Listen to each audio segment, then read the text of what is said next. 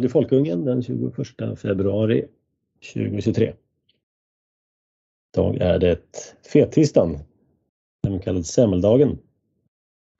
Blir det några semlor Sven? Ja, skattebetalda semlor på, på KTH. Ah, så det är jag som betalat dina semlor menar du? Ja, med pengar som andra människor har betalat min lön med.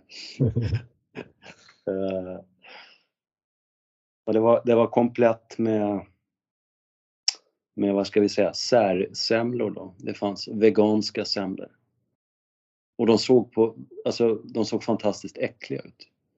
Och det, det, ja, det säger jag inte liksom för att, haha nu, nu ska vi porträttera de veganska semlorna som äckliga. Men de såg verkligen äckliga ut. Och de vanliga semlorna var faktiskt fantastiskt goda. Det var, var, var rena elitsemlorna. Vet inte tusan vad de hade fått fatt i dem, men de var riktigt bra. Det här veganska, är det något konstgjort skum då? Eller, som inte... Ja, det, det, det, var det som var den äckliga eh, så att säga, komponenten. Uh, det här, vad de nu använder som grädde, jag vet inte, men det såg gediget snuskigt ut. Det är sån där som, det ser likadant ut om ett år. Det, det har liksom inte fallit ihop. Det är bestrålat. Ja, nej. Milkshake från McDonalds som aldrig smälter. Ja, nej, men jag har käkat några hemmagjorda semlor denna timme. Det här är egentligen enda dagen på året man ska äta semlor för imorgon börjar ju fastan. 40 dagar innan påsk. Mm. Så att, passa på. De godaste semlor jag någonsin har ätit, det var faktiskt en, en granne vi hade en gång när vi bodde i betonglåda. Eh, som, han hade jobbat en gång i tiden på bageri. Och han hade väl tämligen begränsade talanger rent allmänt, men bakade kunde han. Och han gjorde hembakta semlor. Det var makalöst gott alltså. Helt annorlunda än, än det man får på konditorier och, och sådär. Ja, alltså jag tycker ofta på konditorier så är de lite för fluffiga för min smak. Det ska vara lite Precis, det var precis det som substans. var skillnaden. Mm. Ja. Men eh, det är väl så, man sparar väl pengar genom att fluffa upp degen och sälja luft. Precis. Ja, ja nej men eh, en helt vanlig heterosemla blev det för mig, inga konstigheter. Plain vanilla. Ha. Eh, ja, vi lever i märkliga tider. Tänkte vi skulle börja med att prata lite om eh, kulturmarodörerna. De har inte lämnat vår litteratur, de kan inte lämna vår litteratur i fred. Det ska ju skrivas om och eh, ändras och PK-fieras. Jag eh, minns mycket tydligt när Pippis pappa inte längre var negerkung i Söderhavet utan jag vet inte vad han var, folkvald eh, kommunalråd. Kommunalråd eller något sånt där. Ja. I alla fall. Men det har ju inte, det har såklart inte stannat där. Eh, och somliga av oss, vi har ju förmågan att känna igen en trend. Mm. Så reagerar vi på den och när jag, ser, när jag såg det där då, och det började säkert inte där, det började säkert tidigare. Då inser jag att okej, okay, här har vi en trend. Och så börjar man då protestera eller man, man liksom, ja, protesterar, man säger vad man tycker om det där. Och då är man en, en dålig människa eh, som tycker att folk ska få säga hur de vill, använda vilka fula ord som helst. Eh, och vad spelar det för roll liksom? Ja, bara att de av oss som kan känna igen en trend, vi vet ju att det, det är bara början. Och det fortsätter och fortsätter. Den senaste nu då som, som jag såg här, det var ju Roald Dahl. Skrivit tokroliga eh, barnböcker. Som har ett väldigt mustigt språk. Eh, du såg du den? Eh? Mm. Man vill ju... Ja, det är i Storbritannien ska vi säga. Så vill det brittiska förlaget vill då eh, retuschera eh, boken Häxorna. Och ta bort, eh, ta bort vissa ord och ersätta dem. Det verkar ju ha gemensam nämnare det här att det, eh, ingen ska bli kränkt. Ja, skulle... ord som fet och ful försvann ju då. Ja. Uh, och inte bara att de har tagit bort saker utan de har också lagt till. Det är nästan ännu märkligare. Va? Uh, mm. Det var något exempel här då på ja, vad häxornas peruker, tror jag det var. Då jag ska se om jag hittar den där. Det stod någonting i stil med, ja men det, och det är inte alls något fel med det. Liksom. Helt märkliga tillägg. Ja, det är rätt otroligt. Vi, eh, jag har Roald Dahl framför mig här på, på Wikipedia. Och, eh, han eh föddes 1916 och dog 1990. Så att när när andra värld, ja, han, han föddes mitt under brinnande första världskrig.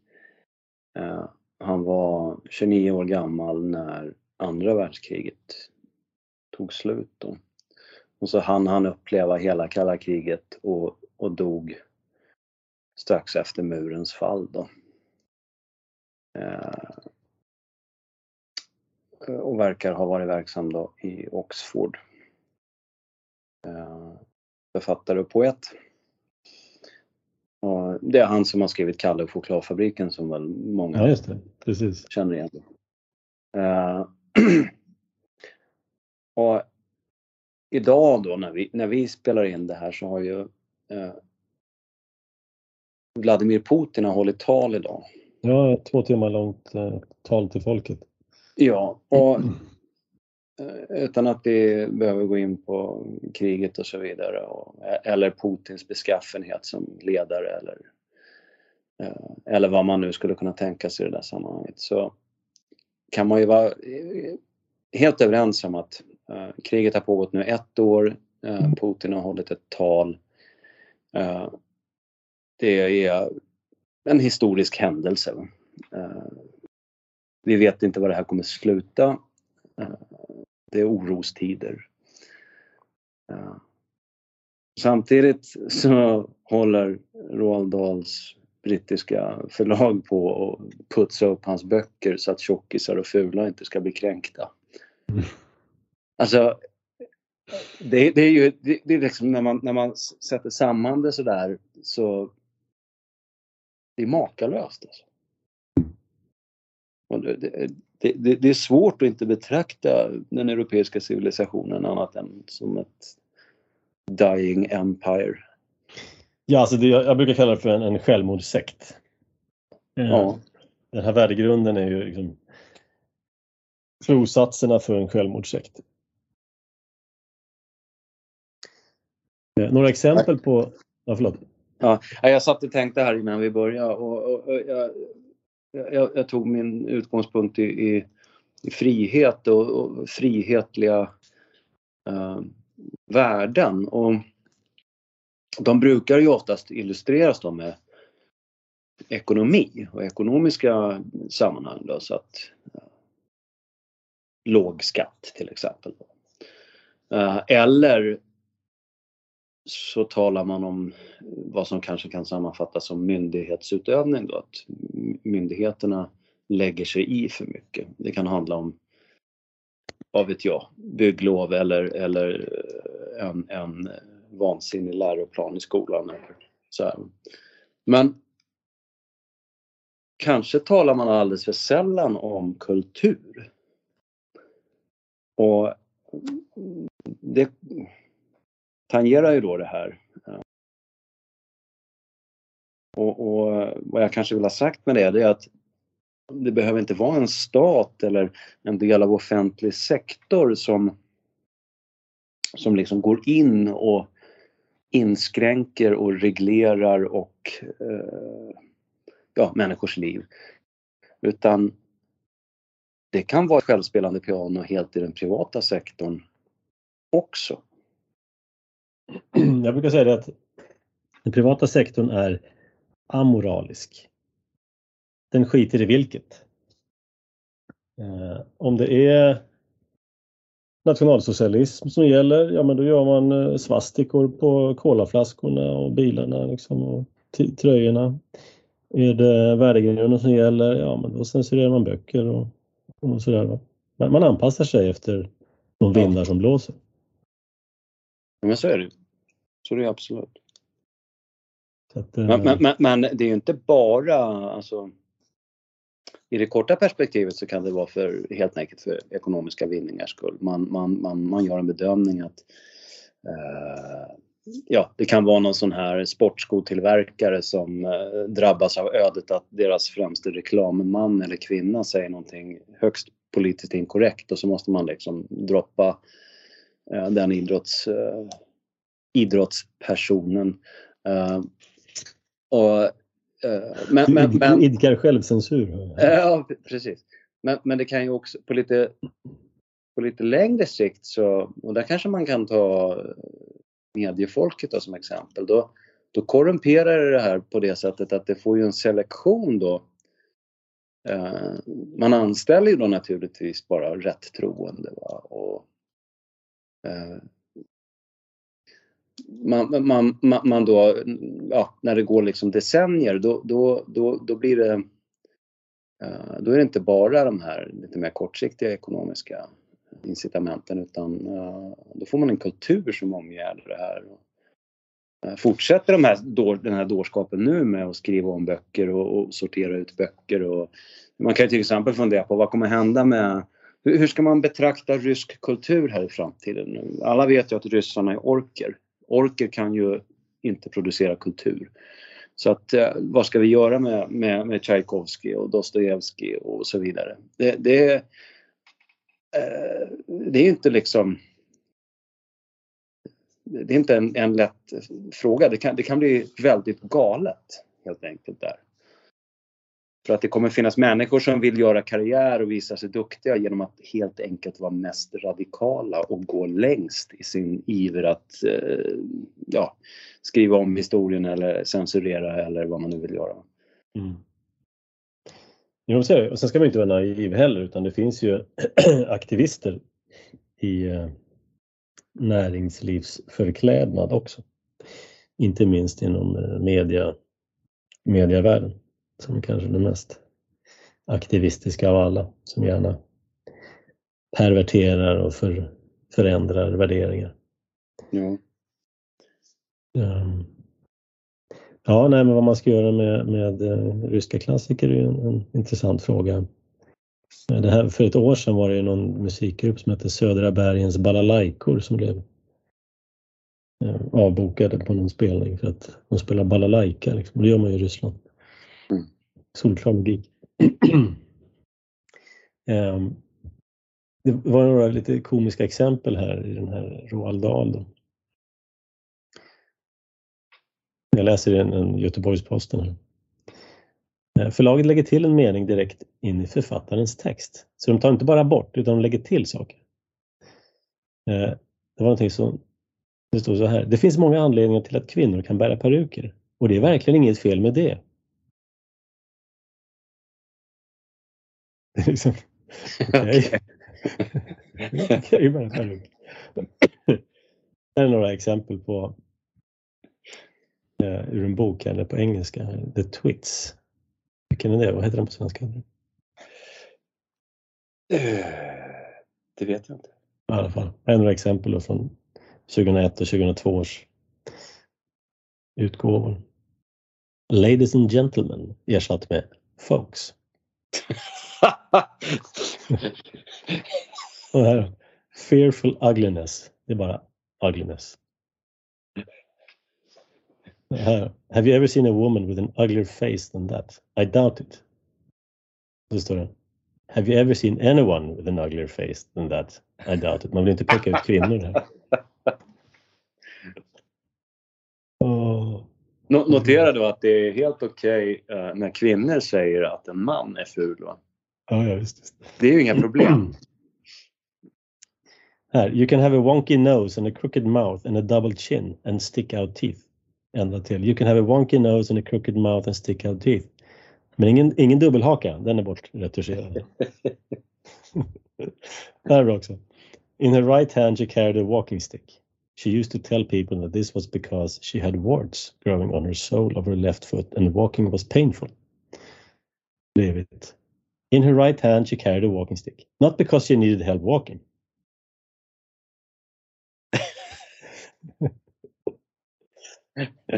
Åh, herregud. Det är så dumt. Och här. Even if she is working as a cashier in a supermarket or typing letters for a businessman I believe blivit. Even if she is working as a top scientist or running a business. Mm.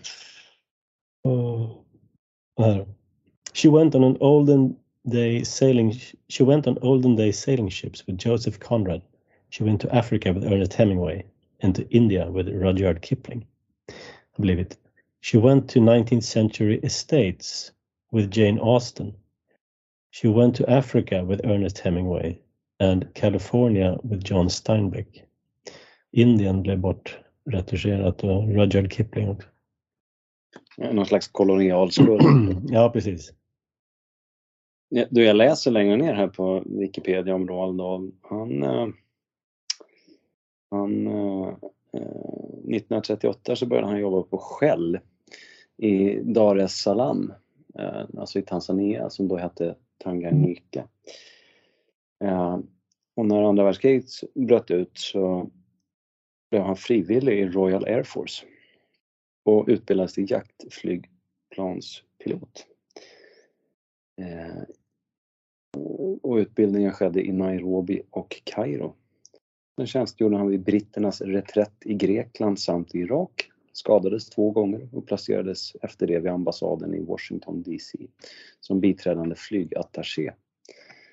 Så han hade ju eh, en riktig karriär, alltså i... Han skulle ju kunna blivit något stort förmodligen. Eh,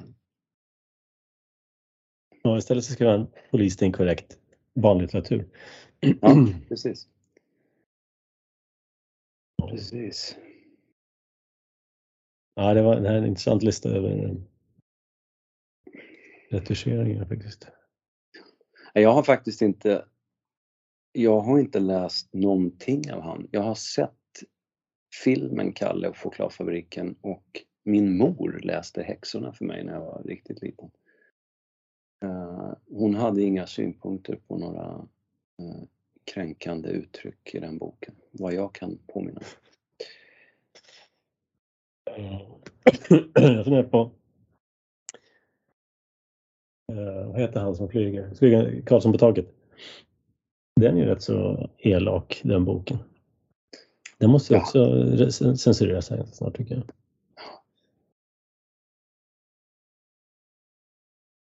Ja, det är makalöst. Här då. Mommy is, as- mommy, mommy is as stupid as you are. Har blivit. Mommy and daddy are as stupid as you are. Det, nu, nu ser vi en trend här va. Det ska lika fördelas mellan könen och där det inte går, där ska det bort. Ja, precis. Alla såna här, alla såna här pejorativa eh, meningar i någon mening, där, där ska det, måste man introducera båda könen då. He didn't have a brother or a sister. He didn't have any siblings. His father was a farmer. His parents were farmers. Ja. Alltså det här är ju eh, det som kallas för nyspråk. Det där är ju mycket värre, alltså de här exemplen du ger, de är ju mycket värre än att man tar bort uh, negerkung i, i, eh, i det här kurrekurredutt uh, sammanhanget i Pippi Långstrump. Det här är ju mycket mer försåtligt på något sätt. Mm. Tänk om man ska göra så här med alla, all litteratur att eh, typ hundra år efter att den har författats så ska den genomgå en, en, en ehm, historieuppdatering. det, det, det, skulle ju bli helt eh, barockt. Ja, jag vet ju att eh, när den här nya statens senaste bibelöversättning, förmodligen absolut sista i historien, när den kom ut år 2000, Bibel 2000, så ville man ju faktiskt eh, förse den med ett förord. Man skulle förklara för pöbeln att ja, det här är faktiskt från en annan tid och eh, man använde lite andra uttryck, hade lite andra värderingar. Skriva ett förord till Bibeln. Ja, just det. För att folk inte skulle börja... Kan man, kan man ha något bättre exempel på högmod? än det? Jag tror inte att... Vi inleder Bibeln med en mänsklig dödssynd. Är det bra? Okej, okay, det kör vi. Ja, precis. Ja, det är så dumt. Det är så dumt. Men eh, det är sådana tider vi lever i. Eh, har du läst Fahrenheit 451? Det, man brukar, det är tre stora dystopier man brukar tala om. Fahrenheit 451 1984 och Du sköna nya värld, Brave New World. Jag måste erkänna, jag har inte läst någon av Okej. Okay. Eh, när jag gick i skolan så var det i alla fall obligatoriskt att läsa 1984 och eh, Fahrenheit 451. Och eh, Ja, alltså man läste dem ju som ja, skönlitteratur. Som, sådär. Men det, det, är ingen, det var ingen av våra lärare som förklarade att det här är den naturliga utvecklingen för ett samhälle. Att uh, det här är, sånt här måste vi se upp med. Ja. Nej, det, det kan bara hända på, möjligen på andra håll i världen. Ja, de, de, de andra gör det. Mm. Sovjetunionen håller på med sånt där, men inte, det skulle aldrig hända här. Nej, men 1984 handlar ju om eh, en, eh, ja, en kille, Winston Smith, han jobbar ju på som historierevisionist. Och inte av det bättre slaget utan anpassar den efter politikens nycker. Och det, det, är det som vi sysslar med här, någon typ av Ja, han, han, han får gamla tidningsartiklar som man ska korrigera då efter efter de senaste politiska idéerna som, mm. och händelser. Eh, ett av mina favoritexempel är när han, staten ska sänka chokladransonen igen. Och då ska han gå in och eh, revidera den förra ransonen. Så att den nya ransonen blir då en höjning. Eller nästa sänkning blir en höjning då. Och sen får man då se hur, det här, när det här går ut till folket så, så får de ju veta att ja, nu har vi höjt chokladransonen till och så är det ett mindre värde än vad det var förra gången. Och folket jublar liksom. det är fantastiskt. Um, och sen har du Fahrenheit 451. Och där har du en värld där eh, böcker är förbjudna. Och eh, människor har då tagit på sig ursäkta, att memorera böcker i väntan på en bättre tid. När man återigen får skriva ner de här berättelserna. Och eh, brandkåren de jobbar med att eh, eh bränna böcker och hus. Hus som har böcker, de åker runt och så bränner de ner dem.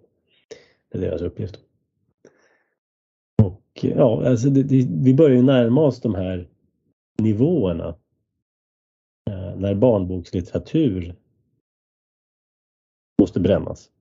Ja. Alltså, jag tycker med se, det här kanske är en liten abrupt svängning här men det, det är ändå på samma tema. Uh, sista tiden så svensk massmedia, mainstream massmedia, inklusive public service, har fullständigt förlorat det i någon mening. Man har slutat, eh, och det har med kriget att göra då, man har slutat att ägna sig åt journalistik helt och hållet. Det är inte så att den har blivit dålig utan den har liksom upphört. Och man har gått in i en slags, nästan vad jag uppfattar var krigspropaganda och då, då menar inte jag vanligen när man säger krigspropaganda då menar man ju propaganda för att påbörja krig. Va? Men det är inte det jag menar utan jag menar den typen av propaganda som varje land ägnar sig åt när de är i krig. Mm. Uh, det vill säga sånt som syftar till att liksom hålla moralen uppe hos folket och så uh, och på, på jag uppfattar helt enkelt svensk massmedia agerandes som om vi vore i krig med Ryssland. Uh, man, man, man har inte folk som är vid fronten och, och, och, och tar bilder och skriver om, om, om det. Vi har, alltså det, det tog bara någon timme så kommenterade man Putins tal på jävligt märkligt sätt. Man undviker helt plötsligt att rapportera om sånt som sker i västvärlden som överhuvudtaget inte har med Ryssland att göra. Men som kan få västvärlden att framstå som till exempel klantiga. Och då är den här kemikalieolyckan i den här tågutspårningen som strölar ut vinylklorid i delstaten Ohio. Den är ett jättebra exempel. Det är alltså en gigantisk miljökatastrof och, och ett klanteri som inte liknar någonting. Man har ju tänt eld på den här vinylkloriden och skapat någonting som ja, dystopiska proportioner alltså. Uh, och det här eländiga kemikalien den brinner och, och, det produceras dioxiner och andra supergifter som man inte har någon koll på. Uh, och det här verkar inte vara en nyhet överhuvudtaget. Nej. Nej. Och, och, och, och, jag tror ju att det finns ett skäl till det och det är att USA får inte framställas som i USA, för tillfället så är det sån, råder ett sånt förhållande, alltså vi säger nästintill krig då. Så att USA får inte på något sätt och vis framställas som kapabla att orsaka sådana här uh, olyckor. Va? Och på samma sätt så får man ju inte påtala det uppenbara att Joe Biden lider av kognitiv svikt. Karln är ju helt jävla dement. Det är uppenbart för vem som helst. Uh, uh, och in, inte, istället så publicerar man, såg du det? Här, lä, läkar, uh, man publicerar istället att Joe Biden, han är minsann fullt frisk. Det har Vita husets livmedikus fastslagit. alltså det är, bara, det är, så, det är så mycket lögner överallt. Så alltså det, ja. ja. Jag tänkte på dessa stackare då som som känner att, uh, att bara för att de är uh, har ta, gjort ett starkt ställningstagande kan vi kalla det för mot Ryssland. Uh, för det finns ju många sådana. de har ukrainska flaggan på Facebook och ja, du vet hur det kan se ut det märkliga är att de verkar ju mangrant allihop känna att ja, när jag gör så här nu, då måste jag inta dessutom en pro-USA-hållning. Det vill säga, man måste köpa hela paketet. Mm. Ja. Och det där är ju så knäppt liksom. Ja, men det är mycket som du säger faktiskt, att det är paketåsikter. Du måste ha hela, hela ja. paket. Du får, inte, du får inte kritisera någon aspekt av det hela. Precis. Det är som att teckna ett leveransavtal. Du får, inte, du får inte köpa från någon annan under tiden. Va? Nu är det det här som gäller. Ja, och det är också det här, den här partismen. Va? Ja, men jag, är, jag är socialdemokrat. Alltså tycker jag så här. För det, det ja, programmet säger det. Va? Ja. Och jag, jag, kan inte kritisera mitt parti utan jag måste stå bakom det. Samma ja, typ av... Då kan man ju faktiskt säga så här att om den som nu vill slippa det där kan ju faktiskt i det här kriget ställa sig på den lilla människans sida. Och eh, påtala det som har varit sant i alla tider att det är den lilla människan som drabbas när, när de här storpotäterna eh, ägnar sig åt sin eh, stundtals krigiska geopolitik. Mm. Eh, hade, hade småfolket fått fått råda så, så hade det här utspelat sig på ett helt annat sätt. Så är det. Så är det absolut. ja. Det vill säga man kan sympatisera både med ryssar i, i, i Donbass lika väl som etniska ukrainare väster om Dnepr.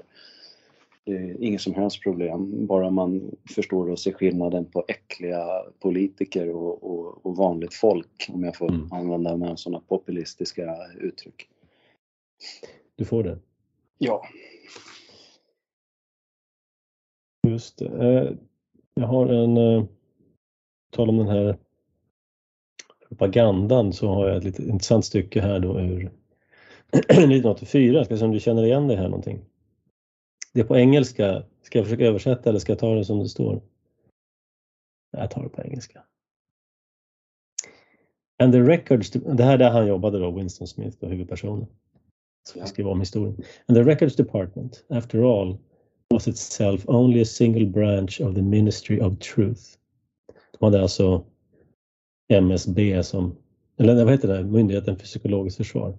Ja. Ministry of Truth kallas här. Uh, whose primary job was not to reconstruct the past, but to supply the citizens of Oceania with newspapers, films, textbooks, telescreen programs, plays, novels, with every conceivable kind of information, instruction, or ent- entertainment, from a statue to a slogan, from a lyric poem to the to a, a biological treatise, and from a child's spelling book to a newspeak dictionary. And the ministry had not only to supply the multifarious needs of the party, but also to repeat the whole operation at a lower level for the bef- benefit of the proletariat. There was a whole chain of separate departments dealing with proletarian literature, music, drama, and entertainment generally.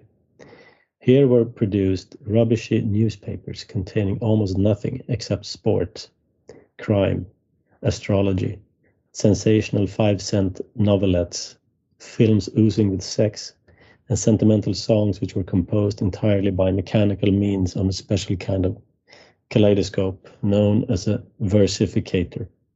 There was even a whole subsection, pornosec, it was called in Newspeak, engaged in producing the lowest kind of pornography, which was sent out in sealed packets and which no party member other than those who worked on it was permitted to look at.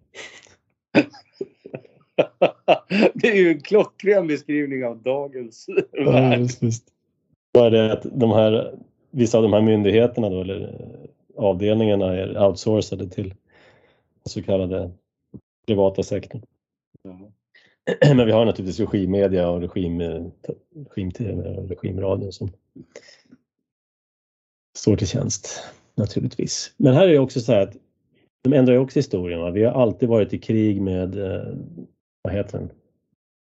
Oceania i det här landet. Um, ja, det andra liksom, vad det nu är, jag minns inte vad det heter. Um, ja, men vi har alltid varit i krig mot dem. Liksom. Får folk veta. Jaha, ja, ja, det är krig nu. Ja, men vi har alltid varit i krig mot dem. Det är samma med det här som, som pågår nu. Alla medier plötsligt att vi ska med i NATO här till exempel. Ingen som avviker. Nej. Köpte allihop. Vad är det med pressstöd och demokrativillkor och sådana saker. Ja. Ja, ja. jo, jag ska bara säga det också. Ray Bradbury, Fahrenheit 451. Han eh, under åren, han skrevs på 50-talet den här boken då. Och då var det först var liksom lite inspirerat av bokbränningar och sådana saker och rysk, eh, sovjetisk censur och sådana saker. Men med tiden så kom han att likna den här berättelsen allt mer med politisk korrekthetscensur och det sa han ju då vid någon intervju på 90-talet. Mm. Att eh, han såg att ja, censuren i form av politisk korrekthet blev allt mer ja, intressant och som en liknelse till den här boken. ja. Rekommenderas. Mm. Ja, ska vi hoppa in på Valmyndigheten? Mm, det tycker jag. Din favoritmyndighet va? Nej, näst favoritmyndighet. MUCF är väl... eh, Ja, men jag är inte så... Nu kommer Valmyndigheten få beröm här. Jag är inte så kritisk mot dem. Okej, låt höra. Däremot val, eh, vallagen Men det är ju riksdagspolitikerna som... Ja, eh, är det så här att eh, Valmyndigheten släppte, eh, jag tror det var förra onsdagen, en rapport eh, där de sammanställer erfarenheter ifrån valet 2022 och föreslår en rad eh, lagändringar. Och det är alldeles för mycket att ta upp eh, allt det som står där utan det som är mest intressant då det är att Valmyndigheten kritiserar det valsedelssystem som vi har i Sverige.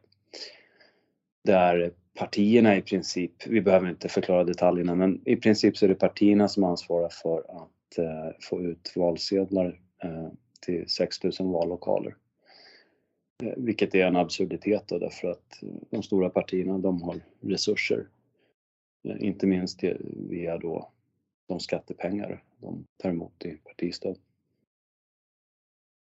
Och de klarar av det här medan det blir oerhört besvärligt för mindre partier.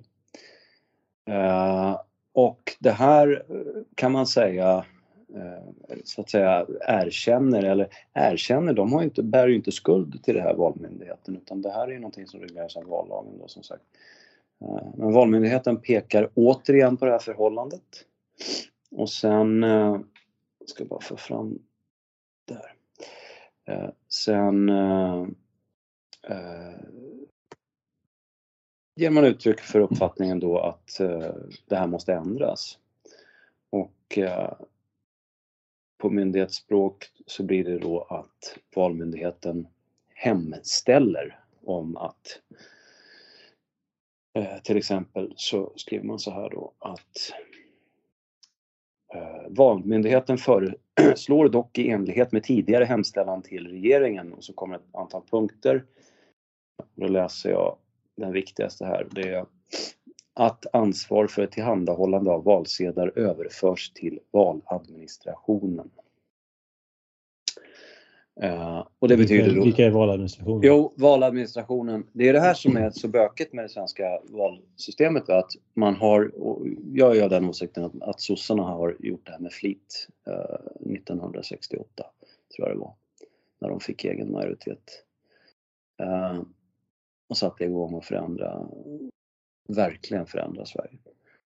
Eh, den här tokvänstern där 68, den kan man fetglömma. Det som hände 68 var att Socialdemokraterna fick egen majoritet i, i, i riksdagen. Eh, I alla fall, eh, jag menar att de har, har sett till att det har blivit så här med flit. Att det ska vara svårt att beskriva valsystemet. Då. Mm. Därför att om det är svårt att beskriva hur det fungerar då är det ännu svårare att peka på vad som är fel. Eh, så att det finns, man har gjort det pedagogiskt, man har satt upp pedagogiska hinder så att säga i terrängen så att sådana som jag ska ha jävligt svårt att, att, att ta mig fram. Eh, men det intressanta är ju att vår valmyndighet, den statliga valmyndigheten, för sen är varje valnämnd i varje kommun då, 290 kommuner, så vi har 290 val, Eh, valmyndigheter till. Eh, men den statliga valmyndigheten den kritiserar det valsystem som man är satt att eh, hjälpa till att administrera. Det, det, det som är bra den här gången, för att Valmyndigheten brukar göra så här efter varje val. Det som är bra den här gången är att de har verkligen gjort ett gediget jobb. Alltså, de har sammanställt det här på ett klart och tydligt bra sätt det här är erfarenheterna från valet, det här fungerar inte, det här är fel, det här behöver ändras, vi tycker att man borde ändra till det här. I princip så. Va? Och det har uppmärksammats mycket, mycket, mycket mer i massmedia också jämfört med valet 2018. Så att, eh, ja, så ser det ut. Det, det som då, då kan man ju ställa sig frågan, kommer det bli någon förändring nu då? Nej, det tror jag inte. Eh, det är helt enkelt så att, eh, att eh, riksdagspartierna de, de får såna oerhörda konkurrensfördelar av det här. Så att, så att trots att Valmyndigheten då skriver så här. Valmyndigheten hemställer om att förändringsförslagen behandlas omgående så att de kan träda i kraft så snart som möjligt. Och då har man tidigare här då redogjort för uppfattningen att det bör vara före nästa val, då, 20, 20, nästa riksdagsval 2026. Men hur, hur, alltså rent konkret, hur vill man förändra det här och eh, vilket problem man, ska lösas? Ja, det, det man vill, alltså partierna ska inte behöva befatta sig med valsedlar överhuvudtaget. Är man, är man ett registrerat parti som har uppfyllt de krav som gäller för att få ställa upp i valet, då, då ska det automatiskt finnas valsedlar på plats. Sen om det görs genom att man har en gemensam stor valsedel där man kryssar i det parti, alla partier finns med på den, eller om man har en valsedel per parti, eh, det går man inte in på. Och det helt förhärskande sättet i världen det är ju att man har en stor valsedel där man kan välja alla partier. Eh, så att det, det, det, när det gäller valsedlar så är det det man vill lösa. Uh, och sen vill man också, man skriver så här också, att, att hu, man vill att huvudregeln blir att väljarna kan ta sina valsedlar och göra i ordning dem på en och samma plats. Och det kan man, skulle man läsa den meningen för en utlänning, va, skulle ju bara garva. Jag vet att de garvar. De, när, man förklarar, när jag förklarar det svenska valsedelssystemet för utlänningar så bara skrattar de rakt ut. För de, de har en bild av det demokratiska Sverige och så blir det den här kallt möter varmt liksom. Det blir, det blir, det blir fel i huvudet på dem bara och så garvar de. Mm. Uh, och så vill man att det ska framgå, jag menar, och det, det här Det är så sjukt. Uh, val, valmyndigheten föreslår vidare att följande ändring införs. Och så som jag läste då, att huvudregeln blir att väljarna kan ta sina valsedlar och göra i ordning dem på en och samma plats. Det vill säga, man ska inte gå till ett ställ först och hämta valsedeln där och sen ska man gå bakom en annan skärm och lägga dem i kuvert och så vidare. Mm. Eh, och sen det andra då, att det ska framgå av en valsedel att den har tillhandahållits av Valmyndigheten. Mm. Ja. Uh, så att det finns inget annat land i världen som har ett system uh, som Sverige. De som kommer närmast är Norge, men det finns väsentliga skillnader. Uh, förmodligen så går det tillbaka, att, att det liknar lite grann i Norge går förmodligen tillbaka till unionen. För att även om allmän och lika rösträtt sägs ha införts 1921 så hölls det ju vissa typer av val före det. Va? Unionen upplöstes väl, ja det vet jag inte. 1905 tror jag. Ja. Uh. Ja men uh, jag, för mig är det ju ganska lätt. Jag är motståndare mot demokrati uh, på nationell nivå överhuvudtaget.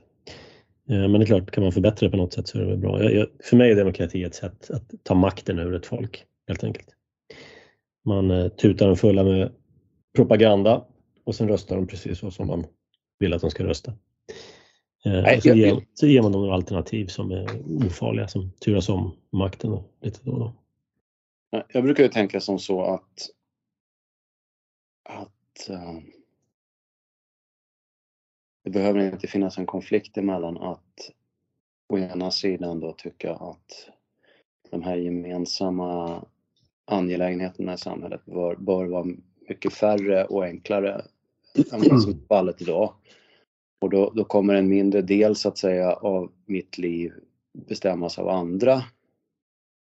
Eh, å ena sidan kan man tycka så, å andra sidan då så, så tycker jag att det som ändå ska bestämmas eh, eh, av de, i, ja, fattas beslut då, i de sådana här gemensamma angelägenheter. Om man nu ska ha demokrati där då ska det vara en fri konkurrensutsättning av den politiska makten. Och vi har liksom den värsta kombinationen. Va? Vi har den här demokratin, men det är inte en fri konkurrensutsättning av den politiska makten. Och det är, liksom, det är den äckligaste varianten, den mest bedrägliga. Vi har ju, vi har ju varit inne på det tidigare, att en, en monark då som är envåldshärskare, den kan man göra sig av med genom att hugga huvudet av honom. Mm. Uh, det kan man göra med en diktator och sådär. Det, det, är när man får de här strukturerna. Mm. Och då kan vi ta enpartistaten som exempel, Kina. Det är fortfarande en enorm apparat uh, där du går in i partiet. Det är partiet som egentligen är demokratin. Mm. Alltså, ja, man, man, man, man gömmer demokratin så att säga. Den blir inofficiell och, och, agerar inom partiet. Så kan man ha den västerländska modellen då, där det här till synes sker offentligt, vilket, vilket inte alltid gör. Ibland gör det, ibland inte. När sossarna 1968 fick egen majoritet, då var Sverige eh, alltså i praktiken en enpartistat. Mm. Därför att då fattas inte längre några beslut i, i, i, i församlingarna eftersom ledamöterna i riksdagen är det, det är ett eh, knapptryckarkompani som hon, eh, moderatskan, uttryckte det. Um, Nej men om jag skulle ta, vilja ta makten över ett folk, eh, eller över flera småfolk, då skulle jag slå ihop dem och så skulle jag införa demokrati. Och så skulle jag ta kontroll över media och skolsystemet. Då har jag makt. För alltid. Ja. Eh, så därför är jag motståndare mot storskalig demokrati men ska man ha det, då är jag, också, då, då är jag i så fall också emot allmän och lika rösträtt. Eh, rösträtten ska inte vara allmän. Eh, och den ska absolut inte vara lika. En, en människa som bidrar ska naturligtvis ha mer, som bidrar mer till kassan ska naturligtvis ha mer att säga till om hur kassan ska fördelas. Ja, vi pratade ju om det en gång att å ena sidan så har man åldersgränser för vissa saker, alkohol, köp på Systembolaget är ett bra exempel. Och det, du måste vara två år äldre än rösträttsåldern för att få köpa alkohol på Systembolaget. Det är, eh, det är, det är bara groteskt. Och sen kan man också då arbeta för, eh, jag tror jag läste någon artikel i någon tidning där man hur man, hur man skulle få helt enkelt människor med, med, med, med en psykisk eh, funktionsnedsättning att höja sitt valdeltagande. Ja. Det, det, det, det, är liksom, det, är så jävla dumt va. Det, är helt, det är helt hur kan, galet va. Hur, hur, kan vi få flera Joe Bidens att regera över oss? ja. ja. Ja, så, så, att det finns ju enormt massa tokeri inom ramarna för den demokrati vi då sägs ha. Uh, men, men uh, som jag ser det i det andra, jag menar mitt uh, mitt politiska engagemang det, det är ju eh, revolution är liksom inte ett, eh, ett alternativ. Hade jag haft de åsikter jag har idag och varit mm. betydligt yngre då kanske jag hade tänkt så. Men, men... För, för mig är det så här. Eh, jag skulle vilja ha en revolution för att återgå till ett mer naturligt och småskaligt tillstånd. Och jag skulle nog gärna delta i en revolution men det skulle jag inte ha någonting emot. Men eh, det skulle behövas... Det, det är liksom, man får göra en, en riskbedömning här. En revolution måste ju lyckas eller ha, ha um, tillräckligt goda chanser för att lyckas. Annars blir man ju bara halshuggen. Det är inte värt. Så att, um, så är det för mig. Det måste ju lyckas på, inte bara på så sätt att, att man tar makten. Man måste ju, det måste ju finnas en folklig förankring i, Ja, i, i, i, den typen av förändringar. Va? Det, det, mm. det, det är ju det, hur det Expo inte fattar när de gör sina åsiktsregistreringsreportage och så vidare. Att, att man måste kunna prata om sådana saker utan att man för den skull menar att man ska ta makten och förslava folket. Sen. Det är ju mm. liksom inte, eh, det är inte, det, är ingen målsättning. Uh, det finns en bra sån här mem eh, om libertarians, libertarianer. De vill, vad var det stod? De vill ta makten och sen låta folk styra sig själva. Eh, fast det var roligare formulerat på engelska, men det var i alla fall essensen i det hela. Mm. Jag vill, jag vill ta makten för att eh, ge den tillbaka till folket. Eh, och då menar jag inte att man inrättar liksom ett en folkrepublik och allt vad det kallas, utan helt enkelt att man återför makt till lokal nivå. Det är det som jag ser som frihet. Det där fick mig att associera till grejer jag såg på, på ja, det var på någon telegramkanal. Uh, en, en frustrerad, eh, rätt ung uh, ukrainsk soldat som spelar in sig själv och säger att det är den konstigaste sak. Robin Hood måste arbeta på de ukrainska mönstringskontoren. För han tar eh, sådana här summons, alltså inkallelseordrar från de rika och ger till de fattiga. det var så jävla bra. och, och, ja. Ja men de behöver inte ens åka, ha inkallelsesedlar. De åker vi runt i bilar och plockar upp 16-åringar på gatorna. Slänger in i. Ja det är hemskt. Det är hela det som... Ja där kan man ju fördjupa sig i. Den där Ja. tragedin. Det är, synd om, det är synd om folket helt enkelt. Men demokrati, ja. Jag Nej, bara lägg ner, bara lägg ner skiten. jag, jag försöker ändå verka, verka inom den. Eh, samtidigt privat så tänker jag, och det har jag sagt tidigare, att mer och mer i termer av hur ska jag skydda mig mot de galna beslut? Hur ska jag och mitt hushåll, min fru och mina barn, hur ska vi skydda oss mot de galna idéer som politiker inom ramarna för demokratin vill påföra mig eh, och oss? Och det kommer vi prata om eh, på Folkungatinget den 26 till den 28 maj. Så de som är intresserade av de frågorna får gärna dyka upp då. Mm. Hur skyddar vi oss och hur bygger vi våra egna utanförskapsområden? Eller förlåt, det fick inte, fick inte kalla dem för det. Gemenskaper, kolchoser. Åsiktskolkos. Men jag tänkte, det, det, det leder ju lite grann in på den tredje grejen som vi hade tänkt att ta upp idag. Ett Just det. ja, förmögenhetsregister. Mm, det är fint. Mm. Och vi kanske ska säga här att det kommer ifrån en debattartikel i Dagens Industri. Eh, jag tror att det var det. Frida Bratt. Ja, precis. Som jag inte vet vem det är, men det är, det är en Frida Bratt i alla fall som har skrivit det. Mm. Eh, en opinionstext. Ja, det handlar ju om att staten vill ha koll. Eh, Man avskaffade förmögenhetsskatten 2007. Och nu vet inte staten längre vem som äger hur mycket på individnivå. Och så kan man ju inte ha en demokrati, att folk går omkring och äger saker utan att demokratin vet om hur mycket de äger och vad de äger.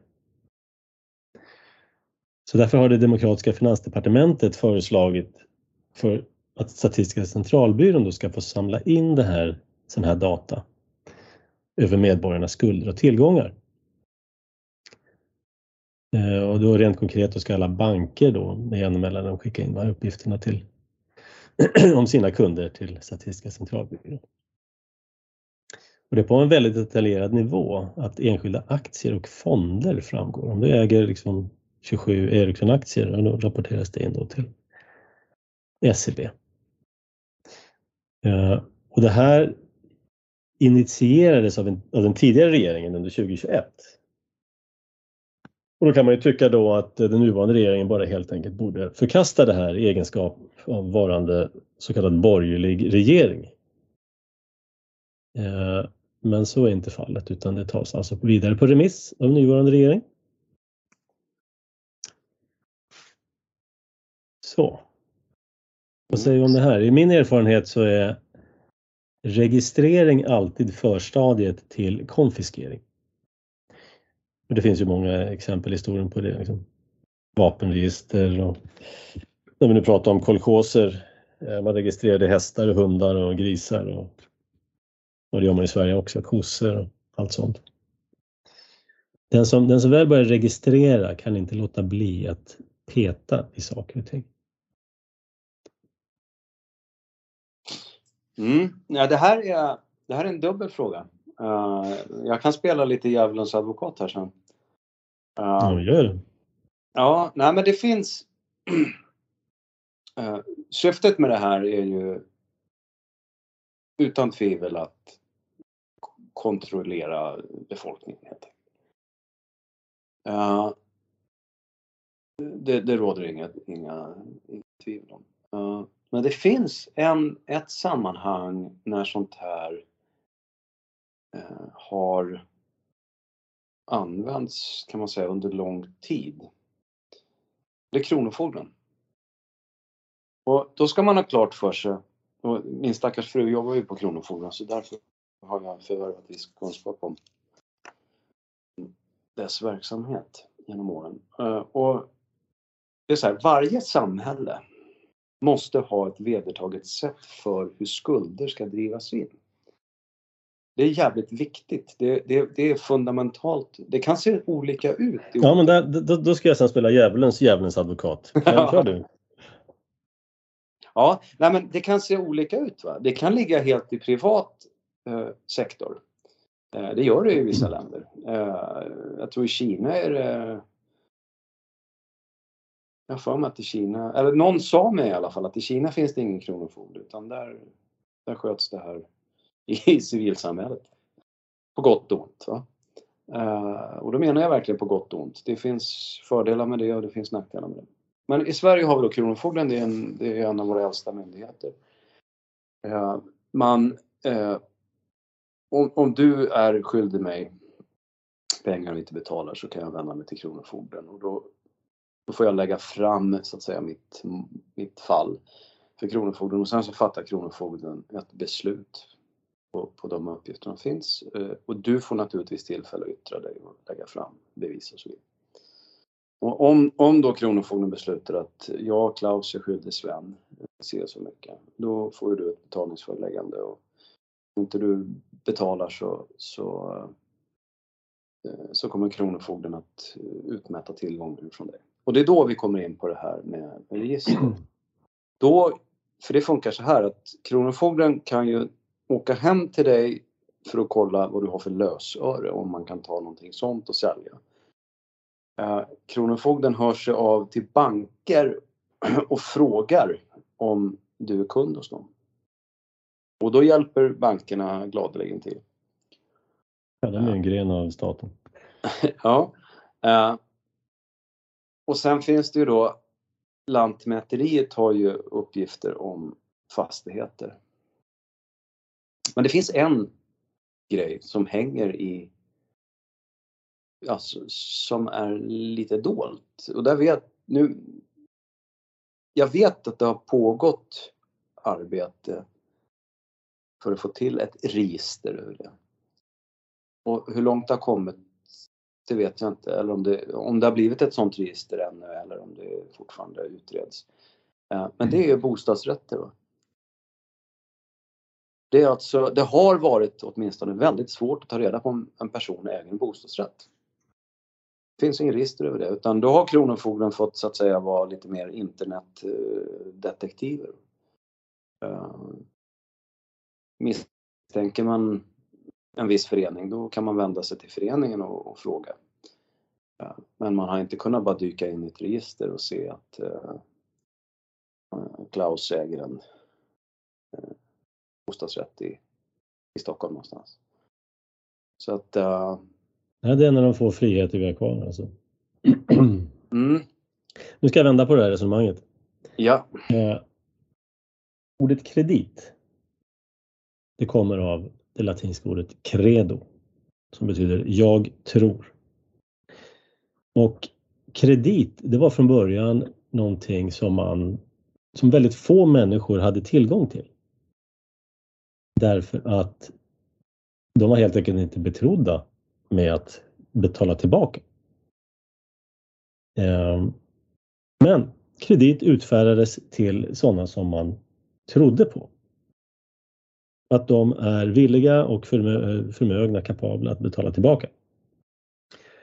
Och kunde man inte betala tillbaks eller betalade man inte tillbaka, ja, då blev man ju naturligtvis eh, ja, svartlistad mer eller mindre. Det fanns inga sådana officiella listor. Men Okej, okay, ja, du vill inte betala tillbaks. Okej, okay, bra. Det var sista gången vi gjorde affär med dig. Så man, kredit var förtroende. Och som sagt väldigt få människor som hade det och åtnjöt det förtroendet. Eh, och det här ska egentligen vara en transaktion mellan vuxna människor. Ungefär som du går och köper en pryl och så tyckte du att den var jättedålig. Ja, okej. Okay. Synd. Det var, gå och klaga om du vill. Får se om de eh, betalar tillbaka eller någonting sånt. Ja. Men Samma sak här. Ja, han lånade pengar av, av mig. Jag fick inte tillbaks det. Nej, vad synd. Du skulle inte ha lånat ut till honom. Um, eller du kanske skulle lånat ut en liten summa först och se om man kunde sköta det. Så att det här fungerar alltså utmärkt utan att någon gör utmätning. En tredje part träder in här. Eh, ett glorifierat motorcykelgäng då i eh, kronofogdeuniform. Eh, det är helt enkelt så att det är transaktioner mellan vuxna människor. Och banken, deras affärsverksamhet är att bedöma risk. Och bedömer de risk dåligt, ja, då är det en affärsförlust. Och det finns, jag, jag pluggade i USA förut, läste eh, företagsekonomi. Och jag läste en kurs i eh, fastighetsekonomi. Då. Och det tog mig några veckor faktiskt innan jag fattade vad läraren sa. För han sa så här att ja, men, ja, men du tar ett lån av en bank och så köper du en fastighet. Och eh, går det bra så går det bra. Går det inte bra så ja, går du till banken, lämnar in nycklarna och säger tack, lycka till.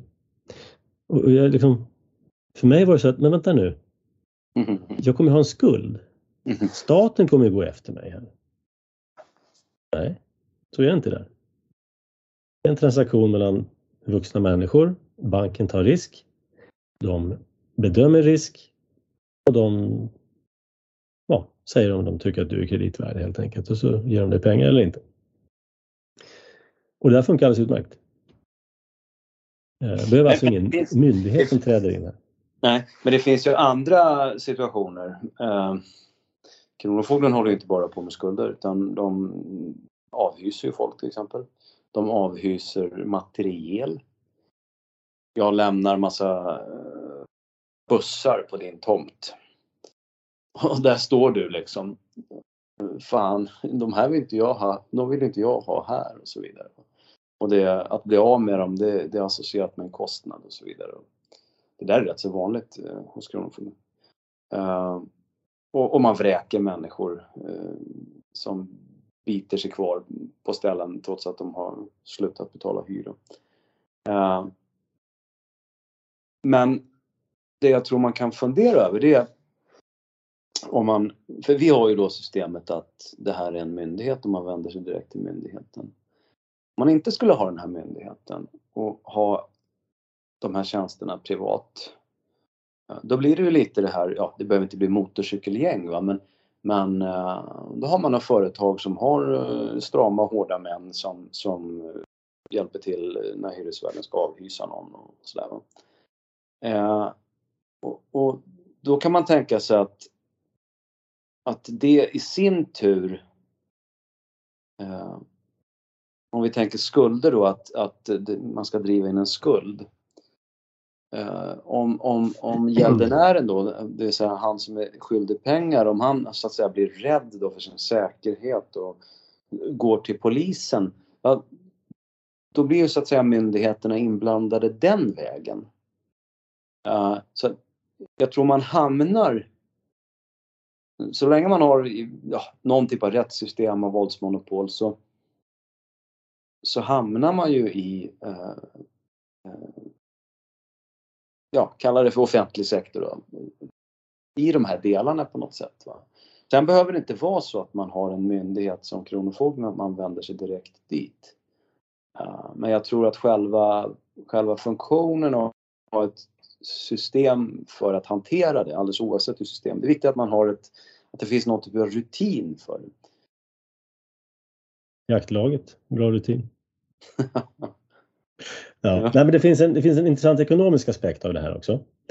Eh, och det har ju, hur, hur, tror du banken bedömer risk eh, om de vet att en myndighet står bakom dem som de inte betalar för?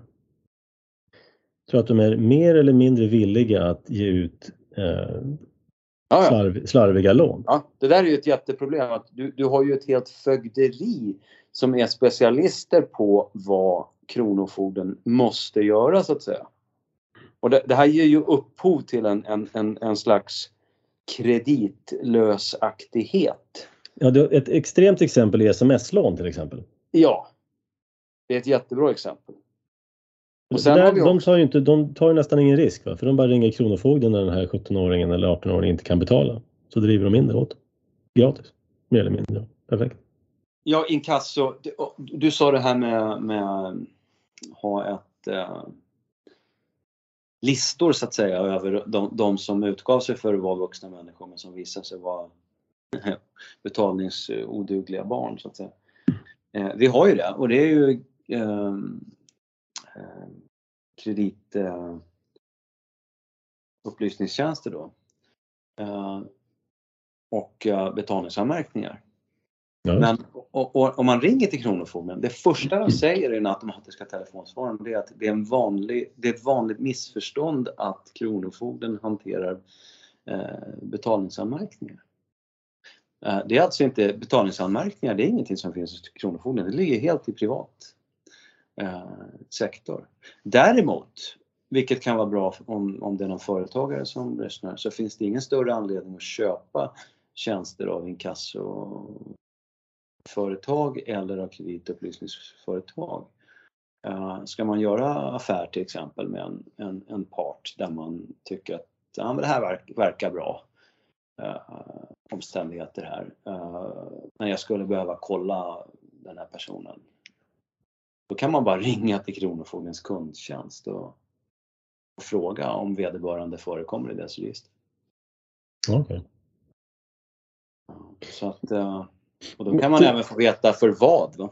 Mm. Men till viss del är det här också en utväxt av en eh, kreditekonomi.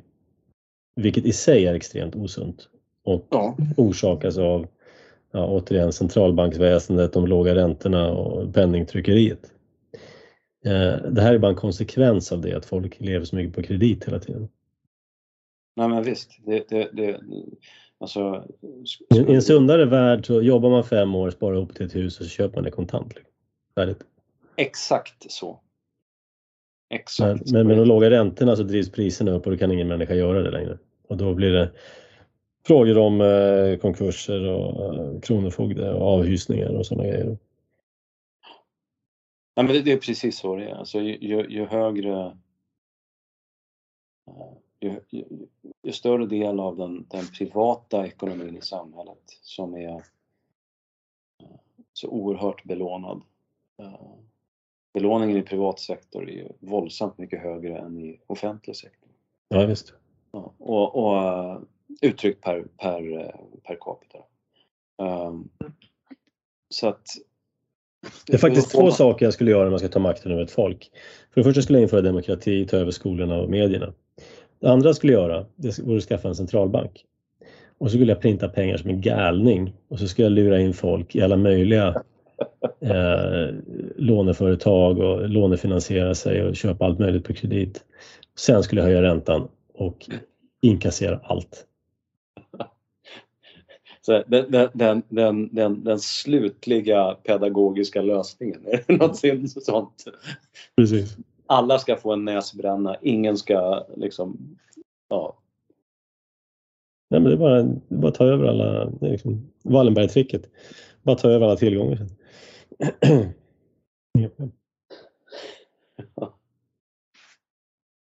Ja, det är väl ett bra ställe att sluta på. Har vi glömt ja. något? Nej, jag vet inte. Vågar vi, vågar vi komma med en utfästelse så att det, så att det äntligen blir av? Nästa gång så pratar vi om bostadsmarknaden och specifikt hyresmarknaden. Ja, men det gör vi. Allmännytta, eh, hyreshöjningar, eh, bostadsköer, varför prisregleringar ger köer oavsett om det handlar om bröd i Sovjetunionen eller bostäder i, i, i, i vårt så otroligt rika, som man säger, samhälle. Just det. Ja, lite, lite historia, lite aktualiteter och lite grundläggande nationalekonomi här blir perfekt. Plus lite annat smått och gott. Återigen påminner om eh, Folkungatinget den 26 till 28 maj. Eh, info och anmälningsformulär kommer ut inom kort. Men det kommer bli intressanta föredrag om hur vi skapar våra egna samhällen och gemenskaper. skyddar oss mot eh, omgivande elakheter av olika slag. Bra, har vi inget annat så tackar jag för mig. Ja, tack Klaus. Och du tackar för dig. Alltså, så hörs vi snart igen.